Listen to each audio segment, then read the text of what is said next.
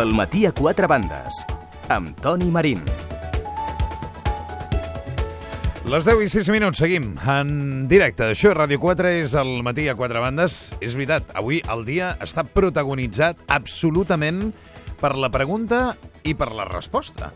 Per la pregunta que ahir es va consensuar entre els grups que estan a favor del dret a decidir i per la resposta immediata que va donar el president del govern central, Mariano Rajoy, dient no, eh, i també la resta de líders eh, espanyols, en aquest cas. Alfredo Pérez Rubalcaba va arribar a dir ahir que eh, Artur Mas estava portant a Catalunya a un carreró sense sortida. És aquest el tema del dia. Això és més que evident. Si vostès se n'adonen, portem dues hores i set minuts de programa i hem parlat gairebé de manera exclusiva sobre aquesta qüestió. Però ara farem un parèntesi per parlar d'un tema que també és molt important, molt, crec que estaran vostès completament convençuts, i després a la tertúlia de joves també estic convençut que voldran referir-se a tota aquesta qüestió, no? El que s'està dient, a l'acord, al novembre, si podrem tenir o no consultes, si eh, tindrem o no eh, eleccions anticipades, en fi, totes aquestes històries que formen part de, de l'argument inequívoc d'aquest divendres 13 de desembre de 2013. Quant de 13 hi ha divendres, per cert, no? Diuen que porta mala, mala sort, això. A mi, per contra, els 13 sempre m'han agradat. Anem a fer un pas endavant. La setmana passada la policia va llançar una campanya que ens va semblar molt important, una campanya per frenar l'assetjament escolar. El lema és Digues no a l'assetjament escolar. L'any 2012 van haver 316 denúncies, 213 per lesions, 63 per amenaces, 22 per vexacions, 15 per tracte degradant i 5 per maltractament sense lesions, tot i que se sospita que hi poden haver molts més casos. El problema sembla, pel que ens expliquen els experts en la matèria, rau en què amb el, el WhatsApp, per exemple, i les xarxes socials, les situacions encara són molt més grans del que es feien abans, perquè és evident, i, i és curiós quan vas a veure qui és el, el, el perfil del nen eh, assetjat, no ha canviat gaire, diria jo, en els últims anys. Es parla d'un nen d'uns 12-13 anys que acostuma a tenir una mica de sobrepès, per exemple. Això passava ja quan, era, quan, quan, quan, quan jo anava a l'escola. Imagino que eh, ha estat una constant al llarg de tots aquests anys. La diferència està en que, efectivament, aquell insult momentani que es deia eh, i que era mm, tot era terrible pel nano en qüestió, però allà acabava. Mm, ara tot allò segurament continua també a casa seva, a través de la xarxa, també a casa seva, a través dels whatsapps, en fi, una situació que no em vull ni imaginar.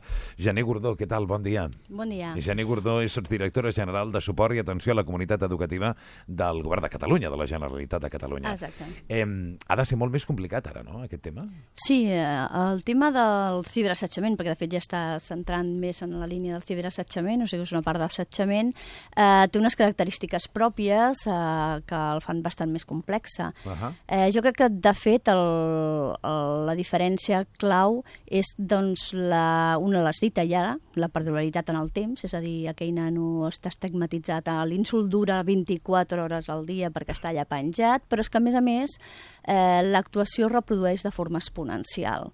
No és un cara a cara, no és un nen que, un agressor o uns agressors que actuen en un moment determinat, sinó mm -hmm. que aquella agressió es torna a fer i es torna a fer i es torna a fer de forma exponencial cada vegada que allò es va transferint. No? Uh -huh. Per tant, això genera eh, un estat en, el, en els nostres alumnes, o en els joves, en els nanos, doncs realment d'improtecció, de que no hi ha cap espai on ell se senti protegit. Abans anaves a casa i estaves protegit, ara no, perquè això eh, transcedeix tot el que serien qualsevol tipus dels murs de l'escola, els murs del barri, els murs de la família. Per tant, la indefensió, la inseguretat en què cau aquest nano eh, és, brutal. és, és brutal i és molt més més elevada, però també fa que els centres educatius siguem més febles amb això, perquè no depèn tant de nosaltres. El que era l'assetjament entre iguals, quan parlàvem d'assetjament cara a cara, uh mhm. -huh. estava molt controlat des dels centres. Ara necessitem la col·laboració, les famílies Dels pares, tenen... sobretot, no? La família té aquí el, pe... el paper principal, clar, perquè, clar. evidentment... Eh, moltes vegades m'imagino que també els dos tipus d'assetjaments hi conviuen. Mm. És a dir, que probablement un assetjament comença efectivament a l'aula o al sí. pati, i després són els mateixos assetjadors els que acaben ciberassetjant aquell nano, no? Sí, eh, la majoria de ciberassetjament, la seva origen es dona amb un assetjament. Eh? amb la diferència com que el ciberassetjament, a més a més, pot ser anònim, pot ser que s'estigui donant sense que el nano ho sàpigui, Ja. que això també és una altra dificultat afegida, no? Els presento les, eh, les altres persones que ens acompanyen aquí a l'estudi. Ramon Quilis, què tal, senyor Quilis? Bon dia. Molt bé, bon dia. Ramon Quilis és sociòleg, és conserge a un institut del Raval i forma part de la Societat Catalana de Pediatria. Realment és vostè l'home, no?, per parlar de gent jove des del punt de vista sociològic i també des del punt de vista experimental a diari, no?, i en un Bueno, barri com el Raval. La no? meva vinculació al món de la pediatria va venir arrel d'uns estudis que vaig fer sobre criminalitat infantil Sí, eh, i, i menors homicides. Una altra història és de la manera que un s'està espavilant per treballar i per trobar un lloc a la societat. No? Però bé, tot és comprensible i referent a la pregunta que, que feies, què passa amb aquests nanos? No? Vull dir, lo important és que el nano assetjat tingui el suport de la família, tingui el suport de la comunitat educativa i, en tercer lloc, doncs, sàpigui amb quins elements es pot defensar. I després vindria el marc legal que tot professional ha de conèixer. clar, segurament cada, cadascuna d'aquestes coses que diu vostè correspon a una part concreta, és a dir, com es pot defensar el nano. Eh, com es pot defensar el nano?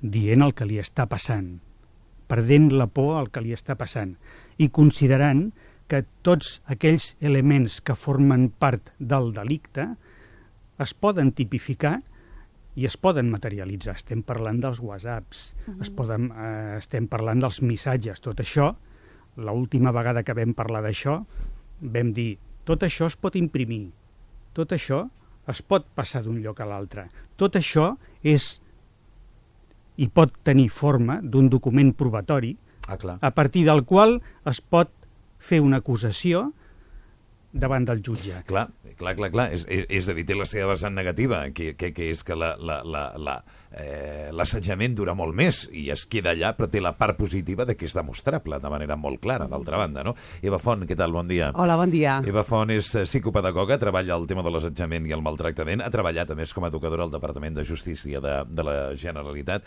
Eh, és molt més complicat l'assetjament avui que l'assetjament de fa uns anys, sembla, no? Bueno, eh, realment potser és més complicat per com està culturalment, no? Perquè també hi ha, diríem, a nivell cultural bastanta agressió, no? Hi ha molt agredits i molts agressors, no?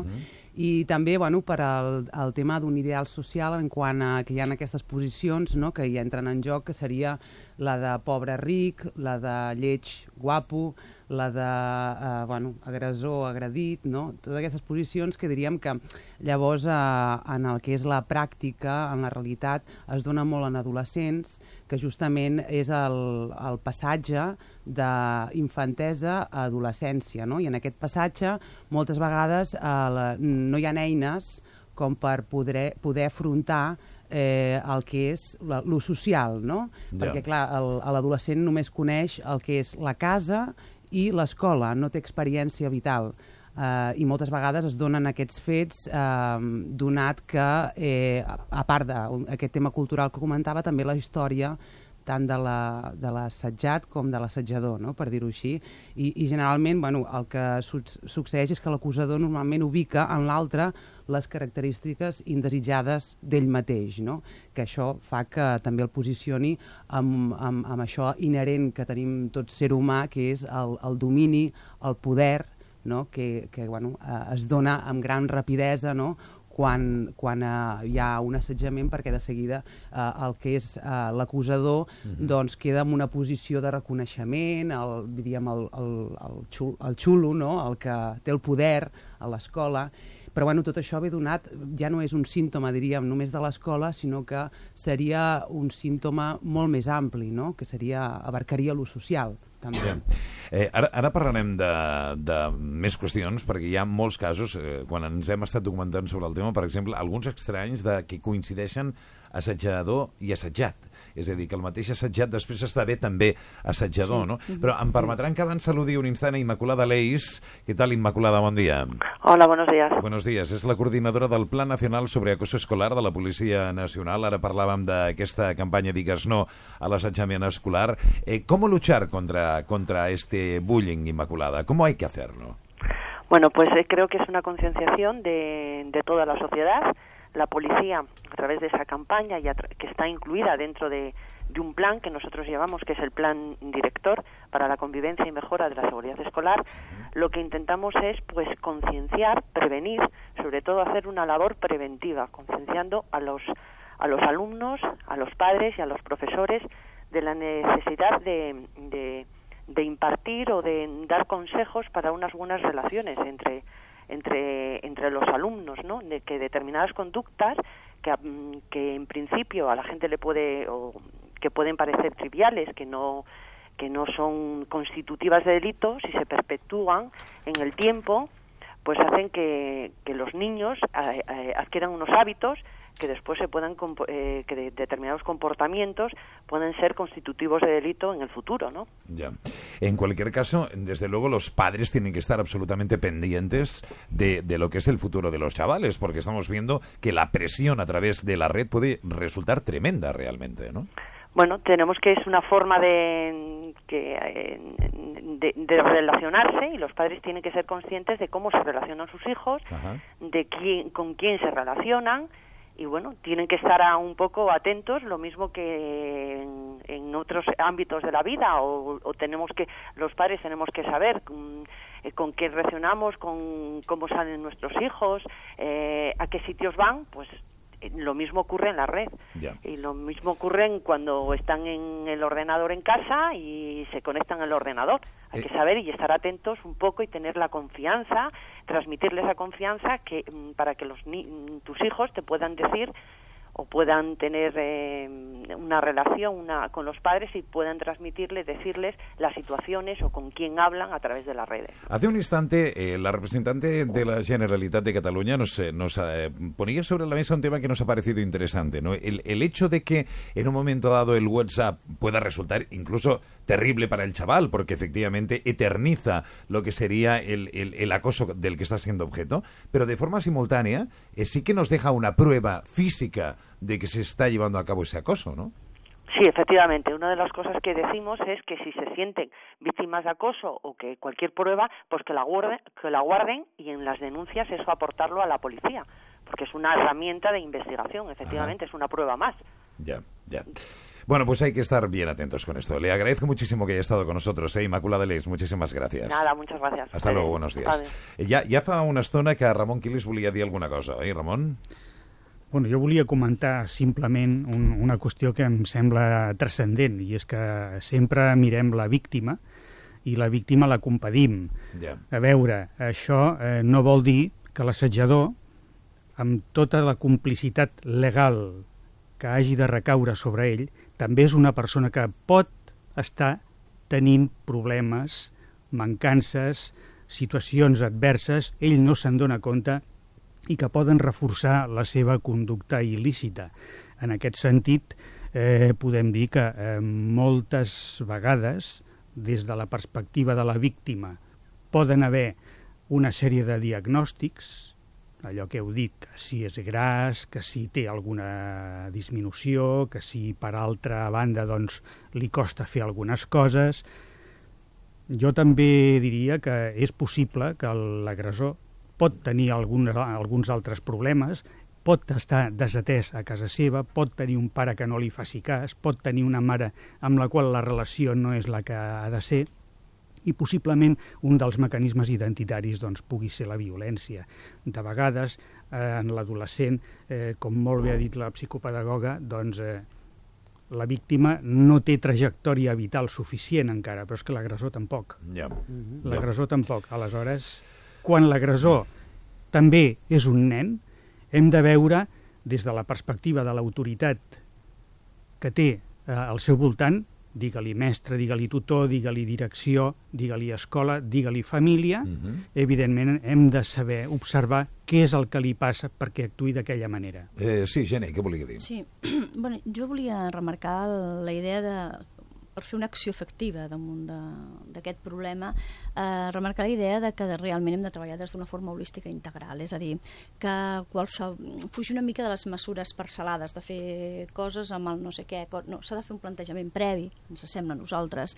Això nosaltres justament el que hem fet és un protocol de prevenció, detecció i intervenció, perquè entenem que són els grans camps, no? és a dir, primer què fas de manera preventiva, després què fas de manera eh, com detectes, no? indicadors de detecció, etc etc i els agents que han d'intervenir, evidentment, com es fan aquests circuits i com es fa la intervenció. Sí. Perquè també, per exemple, estàvem ara parlant, i quan, tu, quan es planteja d'aquesta manera, no? eh, pensem que, que no queden buits, no? que tot dona continuïtat i coherència educativa, perquè, per exemple, ara comentàvem eh, que està totalment d'acord, evidentment, l'atenció a la víctima és la que sempre hem, més hem fet incidència, però cal també una, una, una atenció a l'agressor, a l'agressor també sancionador, evidentment, però també una part educativa, L'agressor és conscient, per, restauradora... perdó un moment, l'agressor és conscient que és agressor? Jo o no? pen- jo penso o sigui, que és sí. conscient del que està fent o no? En part sí, Sí. en part En no. part sí, en part no. I depèn de cada noi, no? Però, Que- però, jo, Ramon, el Ramon no sé si està d'acord. Per què riu, Ramon? Però a mi m'agradaria acabar una cosa sobre Sí. el tema. Em sembla que a vegades ens movem massa entre el que és víctima i agressor i ens oblidem de tot un, un, uns altres protagonistes, alumnes també, perquè estem parlant entre iguals, eh? que no són ni uns ni els altres i que també s'ha de fer una acció amb ells, que és amb aquest grup classe, perquè aquí tenim els espectadors. Parla de les que callen, dels que miren cap a una altra Sí, banda. però que aquests, que al final banalitzen el tema Ja. i per tant es poden convertir després en... És a dir, tota l'acció educativa, aquesta també és molt important. O la banalització és un altre modus de, de maltractament, no? Exacte, eh? i a la llarga després s'actuen també. Sí, sí, per sí, tant, sí. Eh, quan es treballa eh, en un grup classe el tema de l'assetjament s'ha de fer, eh, a les, evidentment, a la víctima, a l'agressor, però a la resta, perquè tots són protagonistes, amb més mesures amb unes altres. No? Per què somreia d'aquesta manera, Ramon? L'agressor, en principi, eh, és una persona que és plenament conscient de que està fent mal. És molt difícil que un agressor no sigui Ho conscient. sap, eh, que està fent mal. Ho sap, i a més a més es pot comprovar que si passats uns anys, no s'ha d'actuar així, eh? però si ho comprovem, passats uns anys, li preguntes per què feies allò, què et contesta? Era un nen, era un criu, no sabia ben bé fins on podia arribar, en quant a que tampoc sabia quines eren les conseqüències Mhm. i la profunditat de l'estigmatització i, de la, i del trauma que es pot provocar amb una víctima en aquestes edats. Mhm. Aleshores, doncs, nosaltres, eh, evidentment, hem de, hem de abarcar tots els elements i tots els instruments legals que tinguem al nostre abast. Nosaltres, a part dels protocols que té el Departament d'Ensenyament, també tenim la, la instrucció de la Fiscalia General de l'Estat que ens parla sobre l'assetjament escolar, Mhm. la, la instrucció 10 barra 2005, eh, que és ben completa en aquest sentit.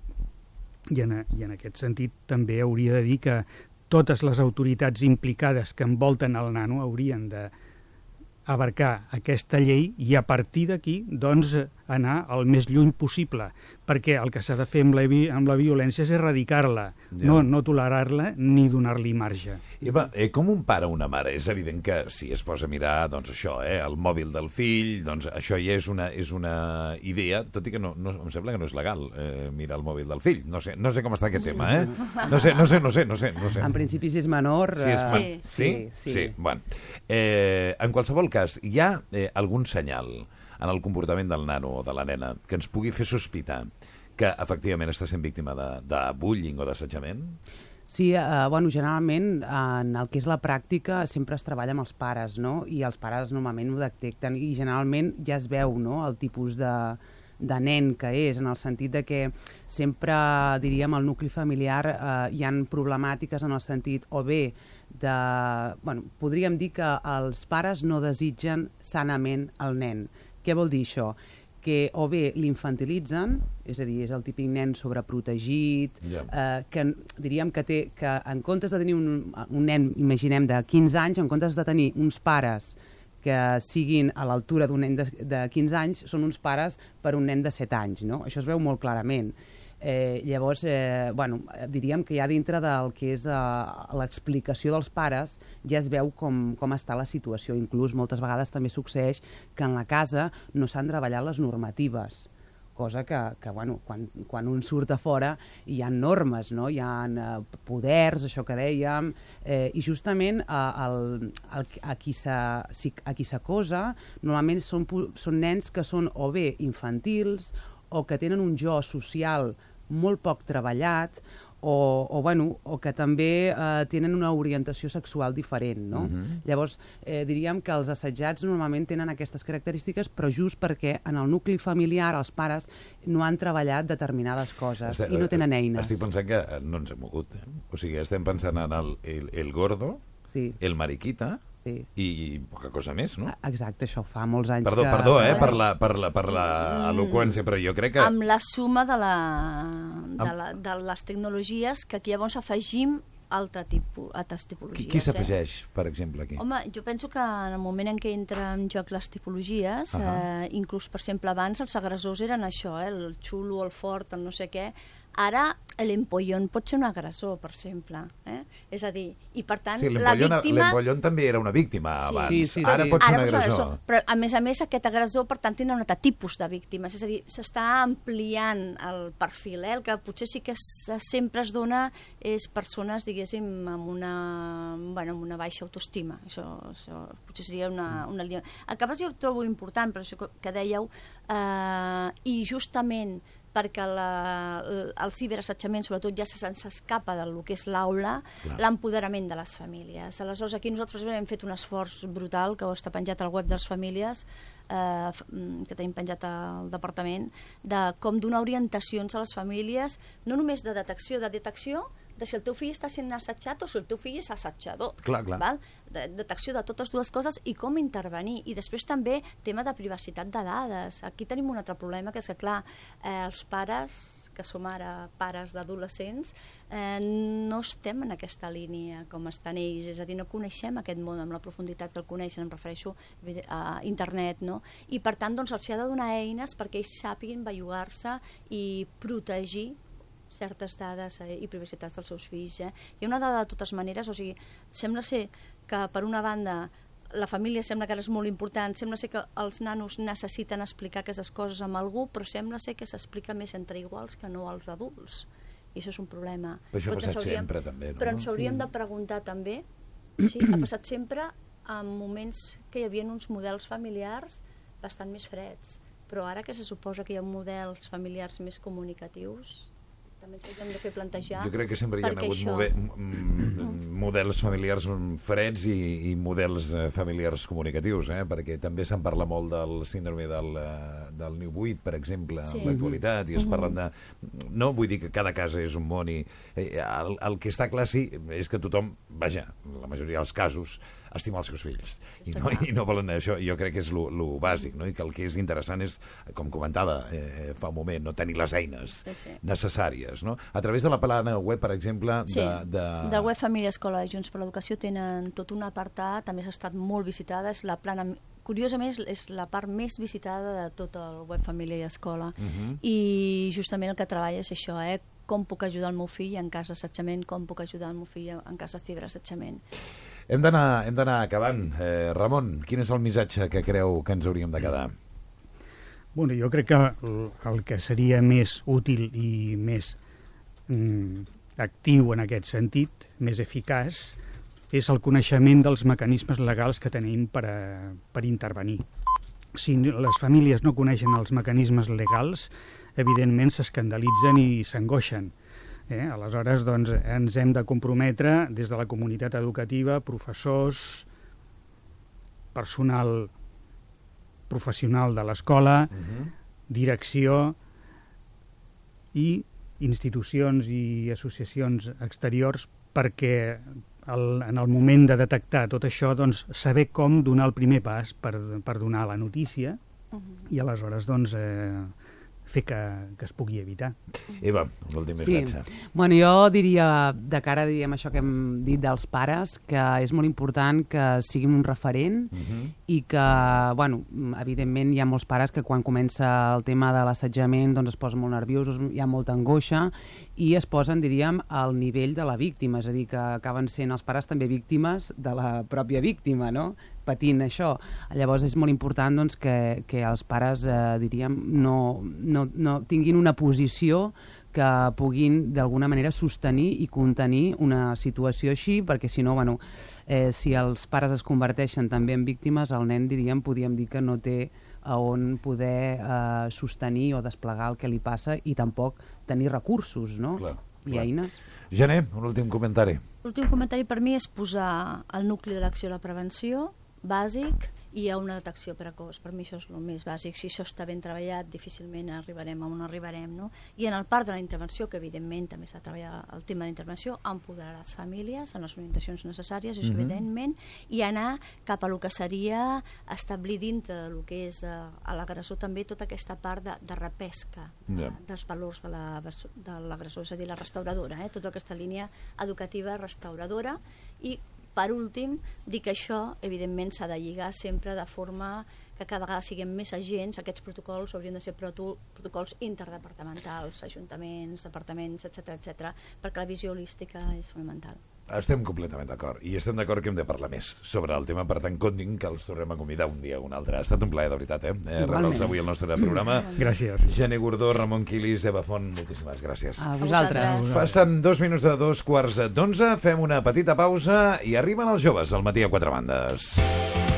I en el capítol anterior, al matí, a quatre bandes, Bon dia, amics i amigues. Qualsevol contingut queda antic després de conèixer la notícia de l'any que va arribar dues hores després que acabés l'edició 1883 d'aquest programa. Tenim data i tenim pregunta, però també tenim declaracions que aixequen polseguera, encara que arribessin abans, quan el focus estava posat a la portada d'un diari. Escoltem el portaveu adjunt del Partit Popular Català al Parlament, Santi Rodríguez. Una última qüestió. La portada de l'Ara avui ens ha sorprès. Eh, No sé si vostè l'ha vist, li llegeixo literalment. L'advocat de l'advocat d'Alicia Sánchez Camacho va redactar la sentència de mort de Butxantic. Diu, en sabia alguna cosa vostè, senyor? Jo el que m'he assabentat a través de la portada de l'Ara era qui era l'advocat de, de la presidenta, no? de, de la senyora Sánchez Camacho, perquè no sabia ni qui era l'advocat de, de la senyora Sánchez Camacho, però en qualsevol cas, eh, home, jo no sé si això és notícia o no és notícia, però bé, eh, escolta'm, quan vagi a la perruqueria la setmana que ve li preguntaré a la perruquera quin historial, quin historial i quin currículum té, per si a cas. De qui sí coneixem els antecedents és del papa Francesc, que també és notícia per haver estat triat el personatge de l'any de la revista Time. Jo miro els porters de discoteca d'una altra manera, ara. Sí? oh, vés a saber, no? Vés a saber. I és que els camins del Senyor són inescrutables i si l'Església fa més de 2.000 anys que ens acompanya, la ràdio fa des de fa poc més d'un segle i Víctor Llopart ens recordava la feliç efemèride. El 12 de desembre de 1901, Marconi aconseguia la primera comunicació radiofònica transatlàntica. La va fer entre Cornwall, el Regne Unit, i Sant Joan de Terranova, al Canadà. I ahir, els secrets de Toni Marín, confessions exclusives.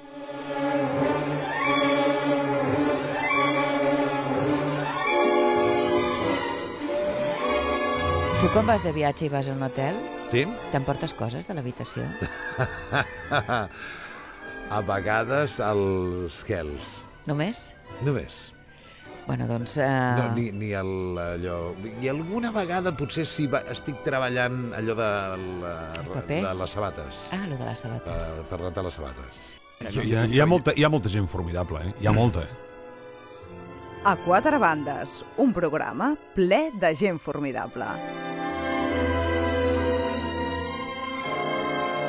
És veritat, és un programa gent, de gent formidable, com la que tenim ara, mateix al nostre estudi. Tinc ganes, eh? Tinc ganes d'escoltar-los, tinc ganes d'escoltar l'Afra Blanco. Què tal, Afra? Bon dia. Molt bon dia. Que té 26 anys i és la portaveu dels avalots de, de la UGT. El Bernat eh, Mallent. Què tal, Bernat? Bon dia. Ens tenies oblidadíssims, eh? Sí, sí, ja feia temps i tenia ganes de tornar. Us Sí. enyorava. Bueno, veus? El Bernat és molt jove, té 21 anys, està estudiant Economia i Administració Empresa a la Pompeu Fabra i és cofundador del blog Pompeonòmics, veritat? Exactament. Eh, ens acompanya Rodrigo Martínez, un clàssic. ja. Hola. Com Bon està, dia. Rodrigo? Bon Molt dia. bé, molt bé. Que té 23 anys, sí? Sí. Estudiant de Direcció i Administració d'Empreses a la UB i eh, tenim amb nosaltres, que avui s'estrena, el eh, Edgar Fité. Hola, Edgar, bon dia. Bon dia. Que ens té a tots allò amb moltes ganes de mirar la seva web, perquè la veritat és que és una història. Té 26 anys, és llicenciat en Enginyeria Industrial, fa uns mesos va deixar la seva feina indefinida, tenia una feina indefinida a Aigües de Barcelona, i ha creat amb el seu soci una empresa, que és una sastreria online. Sí, sí, sí de fet és així, tal i com ho, tal i com ho expliques. Tot va sortir d'un viatge a la Xina Ahà. amb, amb el Sergi, el meu soci. Vam tenir ocasió de- d'anar a Shanghai, de fer-nos nosaltres mateixos un, un vestit a mesura, veure que era, bueno, ens va quedar fantàstic, vam quedar molt, molt contents, el vam portar a la feina mentre treballàvem i, i començar a donar-li voltes i dir, ostres, potser d'aquí en podríem treure un negoci, no?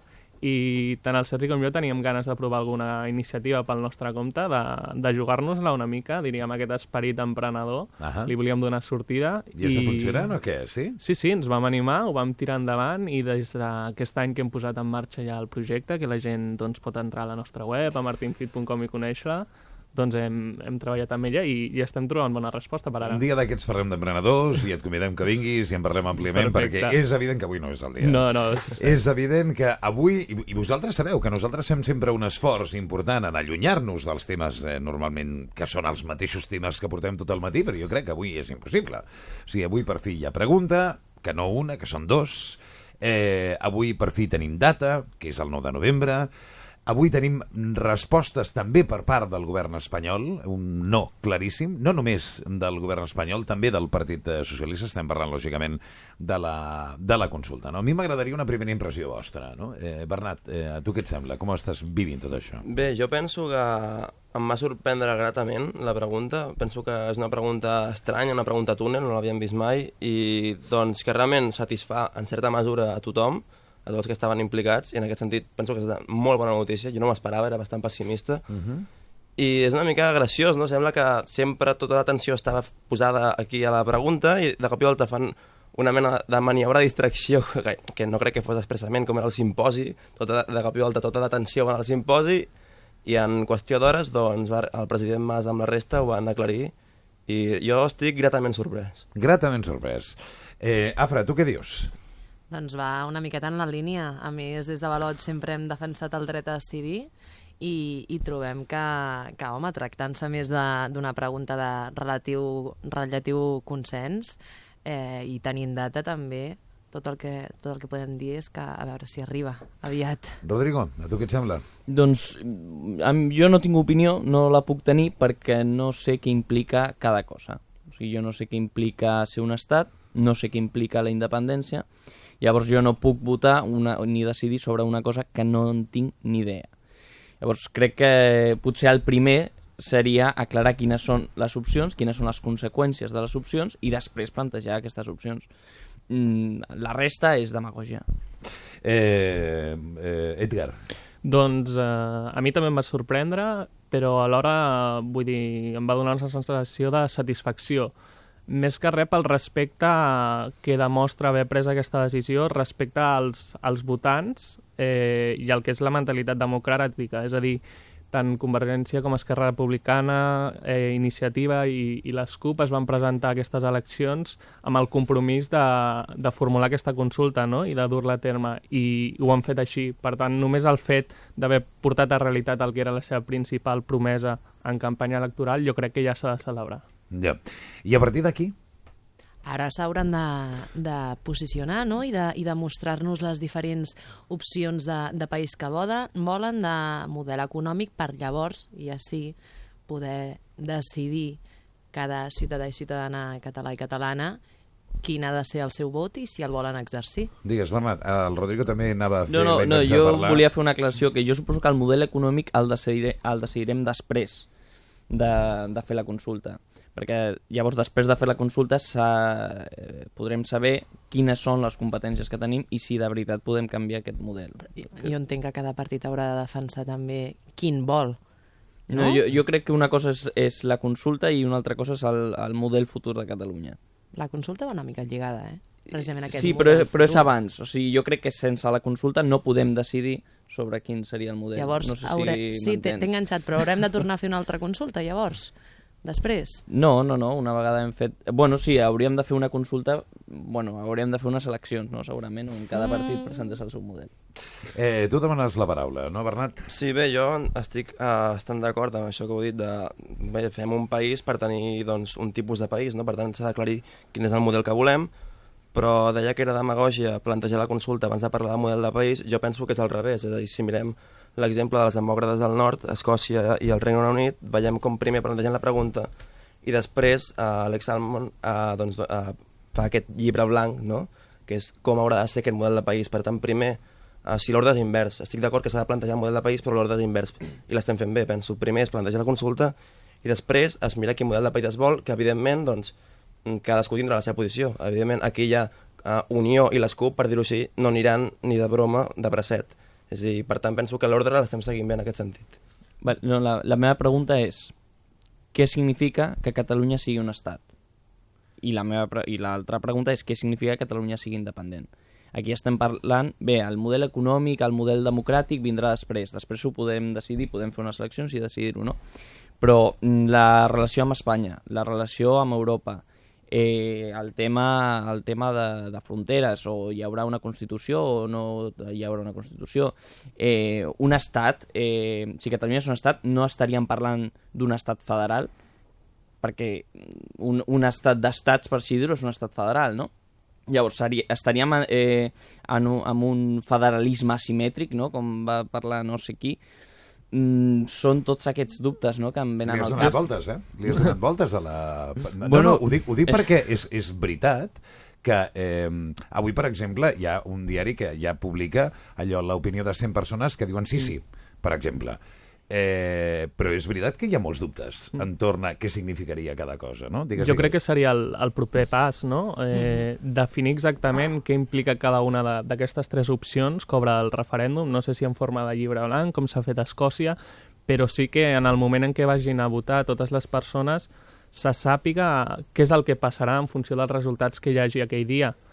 Perquè amb la fórmula de, de la doble pregunta hi ha un risc de la mateixa que manera que passa quan hi ha eleccions, que uns compten escons, altres compten eh, vots eh, i tots diuen que han guanyat, seria molt perillós en aquest procés que passés el mateix després del Però, referèndum. però, però si jo voto per la independència a Catalunya, si jo el 9 de novembre poso vol, vull un estat i vull un estat independent, eh, jo ja està, no? Ja ho he fet i després parlarem.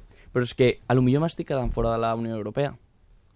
Sí, però a I part... això ho he de saber abans. Aquesta, hi ha unes condicions bàsiques que les he de saber abans. Digues, Bernat. Mm, penso que està bé que preocupis per això, però penso una mica que és, és una mica precipitat. És a dir, ara tenim gairebé un any que, de fet, el que es parlarà serà això, no? És a dir, és, és, és el que acabo de dir, de fet, és, és l'ordre dels factors, no? Primer es planteja la consulta i ara, que, que o sigui, va ser ahir mateix, que s'ha plantejar, tindrem tot un any, gairebé un any, per plantejar un model de país i penso que serà un debat prou interessant on cadascú dirà la seva i tant de bo arribem a un consens on millorem, és a dir, no, no estiguem en el mateix tipus d'estat, no fem un nou estat per fer una rèplica d'aquest estat, no?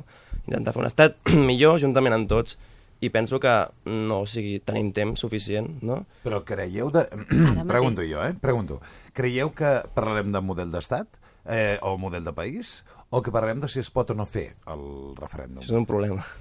Jo crec que avui hauria de ser un dia de celebració en qualsevol cas perquè és un, un acte, un possible acte democràtic o de plena democràcia cap, a, cap al català i la catalana el que, el que es va presentar ahir i a partir d'aquí parlarem, no? Parlarem de model d'estat i uns diran la seva i, i bueno, ara mateix ja de fet s'està dient també si sí o si no bueno, aquest acte democràtic. Potser la resta d'Espanya també volen dir alguna cosa i no tenen A mi m'encantaria que utilitzessin l'article 150 per dir-nos que ho podem fer i que ens cedeixen aquesta ens cedeixen de manera legal, segons la Carta Magna, aquesta competència de poder realitzar el referèndum. M'encantaria que diguessin això a la resta d'Espanya. Jo crec que el debat efectivament se centrarà en, en si es pot fer o si no. Vull dir, està molt clara quina és la posició dels, dels dos bàndols, és a dir, per part de- d'Espanya. En aquest cas, PP i PSOE actuen com un, intentaran bloquejar-ho per tots els mitjans que sigui possible. Per part de Catalunya s'intentarà doncs, tirar endavant i aquí és el dubte d'on pot portar això, és a dir, si pot portar una prohibició que acabi derivant en unes eleccions constituents, com s'havia fet la hipòtesi, o si es podrà mantenir aquesta consulta per la data que s'ha fixat ara. I si es fan les eleccions, eh, utilitzarem el mètode d'ont o no? Ho dic, no? No, no, aquest és, no, no. Aquest és No, un no. tema que em sembla importantíssim, no? És un vot, Però una pe- opinió pel referèndum o, no? o per les eleccions de després? Dic, sí, sí el, jo recordo que aquí el conseller Puig fa unes setmanes va dir que hi hauria consulta segur si no era a través de la consulta, perquè l'Estat no la permetia, que aleshores, per tant, es faria unes eleccions. En el moment en el que es facin unes eleccions, si aquestes tenen un caràcter, efectivament, de consulta a la ciutadania sobre si volen o no eh, la, la independència, o sigui, un estat, o, o el que sigui, la pregunta és si canviarem la llei electoral per d'aquesta manera tenir un vot, una opinió perquè, mm, evidentment, amb el, amb el sistema que tenim, no seria representatiu de cara com a mínim el tema de la independència. Una altra cosa seria la Constitució del Parlament, no? No sé. mo- no, molt bona pregunta, molt bona pregunta. Sí, sí, perquè si són unes eleccions que es prenen com un referèndum, llavors hauria de ser un català un vot. Per això dic, no? Sí. Jo estic segur que no serà així. Que no serà així? Seguríssim. Per què? dir, um, perquè no canviaran... Perquè les eleccions seran unes eleccions més o menys normals, l'únic que hi haurà... Um, jo crec que ni faran coalició de partits, o com a molt si ho amb Esquerra, tot i que tinc els meus dubtes, simplement cada, cada partit posarà el seu programa electoral al punt en què es compromet no? a, doncs, a fer el que l'última opció, que segurament seria, desgraciadament, perquè penso que no hauria de ser així, una declaració unilateral de la independència. Però si no deixen més sortida d'aquesta, no hi ha més. I no es canviarà perquè seran unes eleccions normals i corrents. En tot cas, que és el que he sentit a, a, a alguns pensadors, és que podria ser que després de les eleccions, per ratificar-ho, com que ja has declarat unilateralment la independència, fessis una espècie de referèndum consulta per legitimar el procés, més que res de cara a, a l'àmbit internacional. Ja. Però les eleccions com a tal s'aplicarà la llei, de, la llei d'ON perquè seran unes eleccions normals i corrents on sortirà un govern. Per Ja. tant, Què penseu vosaltres? Jo estic d'acord amb, amb que si el procés acaba derivant en unes eh, eleccions constituents, eh, s'haurà d'aplicar la normativa vigent i, per tant, funcionarà la, la llei d'OM i, i el repartiment d'escons que s'està aplicant actualment. A mi el dubte és si s'arriben a aquest extrem, fins a quin punt pot tenir sentit eh, o valor eh, convocar unes eleccions constituents si el que és el bloc del sí es presenta per separat. Jo crec que pot perdre molta força en aquest procés que, i seria, per dir-ho d'alguna manera, em, una victòria pel bàndol espanyolista o que no vol que es realitzi la consulta, derivar tot això en eleccions constituents i que acabessin amb un bloc separat, no? perquè segmentarien molt el vot i el resultat del, de la gent que sí que vol que realitzi aquesta consulta. Tu què dius, Afra? Jo aprecio molt l'opinió de, del Ricardo i la respecto, però estic d'acord amb els altres. El Ricardo no, el Rodrigo. Ai, el Rodrigo. Bueno, Rodrigo, t'he canviat el nom i estic d'acord amb, els, amb els companys i amb, la, amb les diferents postures i anàlisis que estan, que estan fent en aquest sentit a títol personal. Eh? Mm -hmm. Està molt bé. Escolta'm, i, i en el cas que... Perquè són preguntes que ens hem de plantejar, m'imagino. El cas que es faci, no? Per quina majoria hauria de ser? Un 51%... Eh, Imagineu-vos que, que es fa el referèndum. Home, per començar, una participació molt, a, molt alta, molt elevada, no? Això seguríssim. però què vol dir molt elevada? O sigui, posem, Home. posem números. Molt elevada és un 75%. de Estic, no, sí, això és impossible, jo penso. doncs... O sigui, ja... Uh, vull dir, de la mateixa manera que hi ha un atur estructural, també hi ha una abstenció estructural. Totalment. I, i, i, no, és, I no és de per si dolenta, eh, de fet. És a dir, jo penso que no és bo que tothom voti perquè si hi ha gent que no li interessa i no té prou informació, no se la pot obligar que voti. Sí, I per jo- tant, hi ha un, percent, un tant per cent de, que potser és el 25%, perquè penso que és bastant alt, d'abstenció estructural. Jo crec que, que s'han estat treballant molt bé aquesta abstenció els últims no sé quants anys de, que portem votant. O sigui, crec, crec que s'han treballat molt bé aquesta abstenció perquè mm, no sé, no sé, sembla que els interessa. Però jo estic seguríssim que...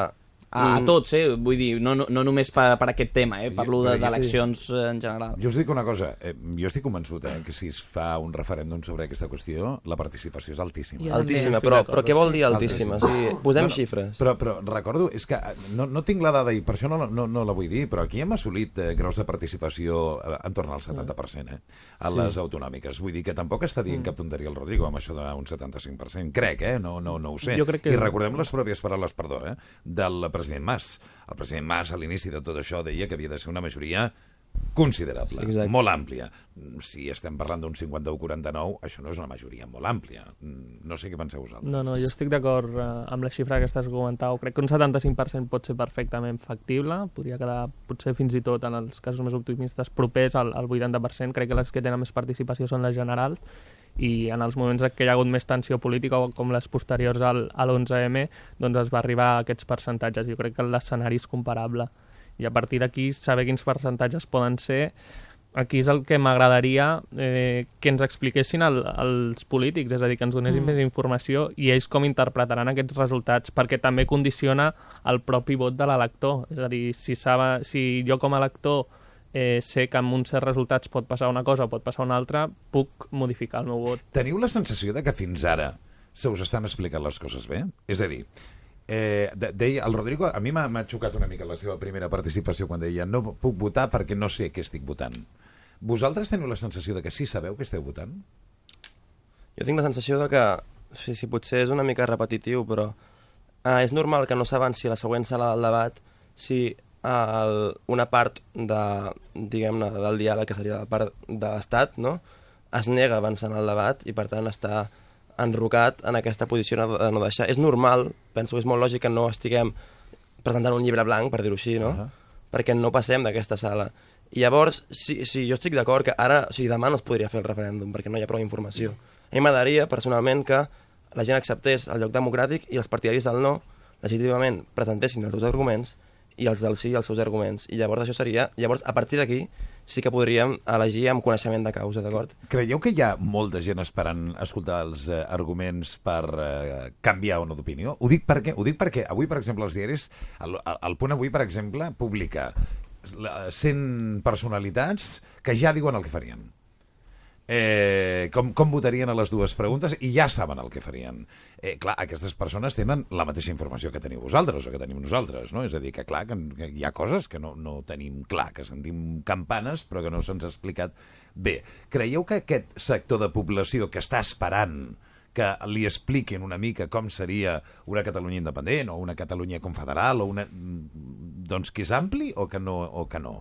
Què penseu vosaltres? Jo crec que sí, és a dir, llegint enquestes eh, és encara un percentatge molt significatiu, eh, al voltant del 25% fàcilment, i, i crec que, tot i que d'una banda el que són els extrems, tant la, la independència més absoluta com, diríem, mantenir l'estatus quo que hi ha a Espanya o fins i tot recentralitzar més, estan molt clars quin tipus d'escenaris són. Uh -huh. Aquesta gamma de grisos que hi ha entremig, que està a vegades representada per, per Unió, a vegades alguns segments de, de Convergència, fins i tot, eh, el PSC i, i en alguns casos també doncs, eh, iniciativa, eh, no queda clara quina és la solució, quin és l'escenari, quins són els passos a seguir. I crec que en aquest sentit, en aquest entremig, aquest, aquesta tercera via que tant es parla, sí cal definir molt més i molt clarament quina seria l'evolució, no? si, si fos finalment el que surt com a més votat.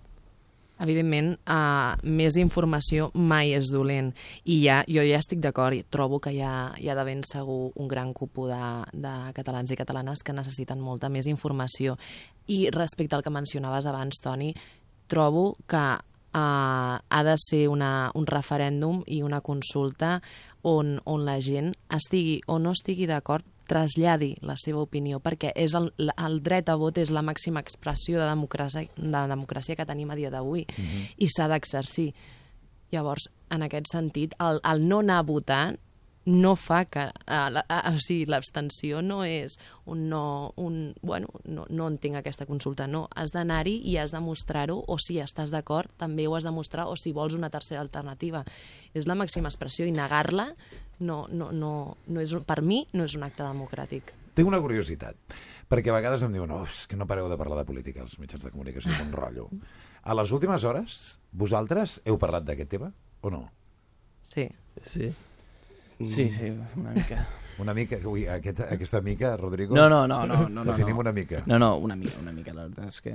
Heu seguit amb molta atenció el tema de la pregunta o enteneu que els, els mitjans li estem donant un rebombori que probablement no es correspon, jo crec que sí, eh? però, però que no es correspon... No sé, com, com, com ho esteu Estem, vivint vosaltres? estem visquent un moment històric. En aquest sentit és normal. Però al carrer també el viviu, el moment històric, Sí, sí. o no? Jo, crec personalment que, sí. No, jo crec que en aquest cas està plenament justificada l'atenció que estan centrant els mitjans. Jo crec que aquest comentari que deies tu, no? de vegades es dona massa ressò als polítics o aquest tipus de, de discussions, és quan no hi ha temes que realment són tan rellevants, quan hi ha una de la declaració banal de qualsevol polític i un altre li respon amb una obvietat. No?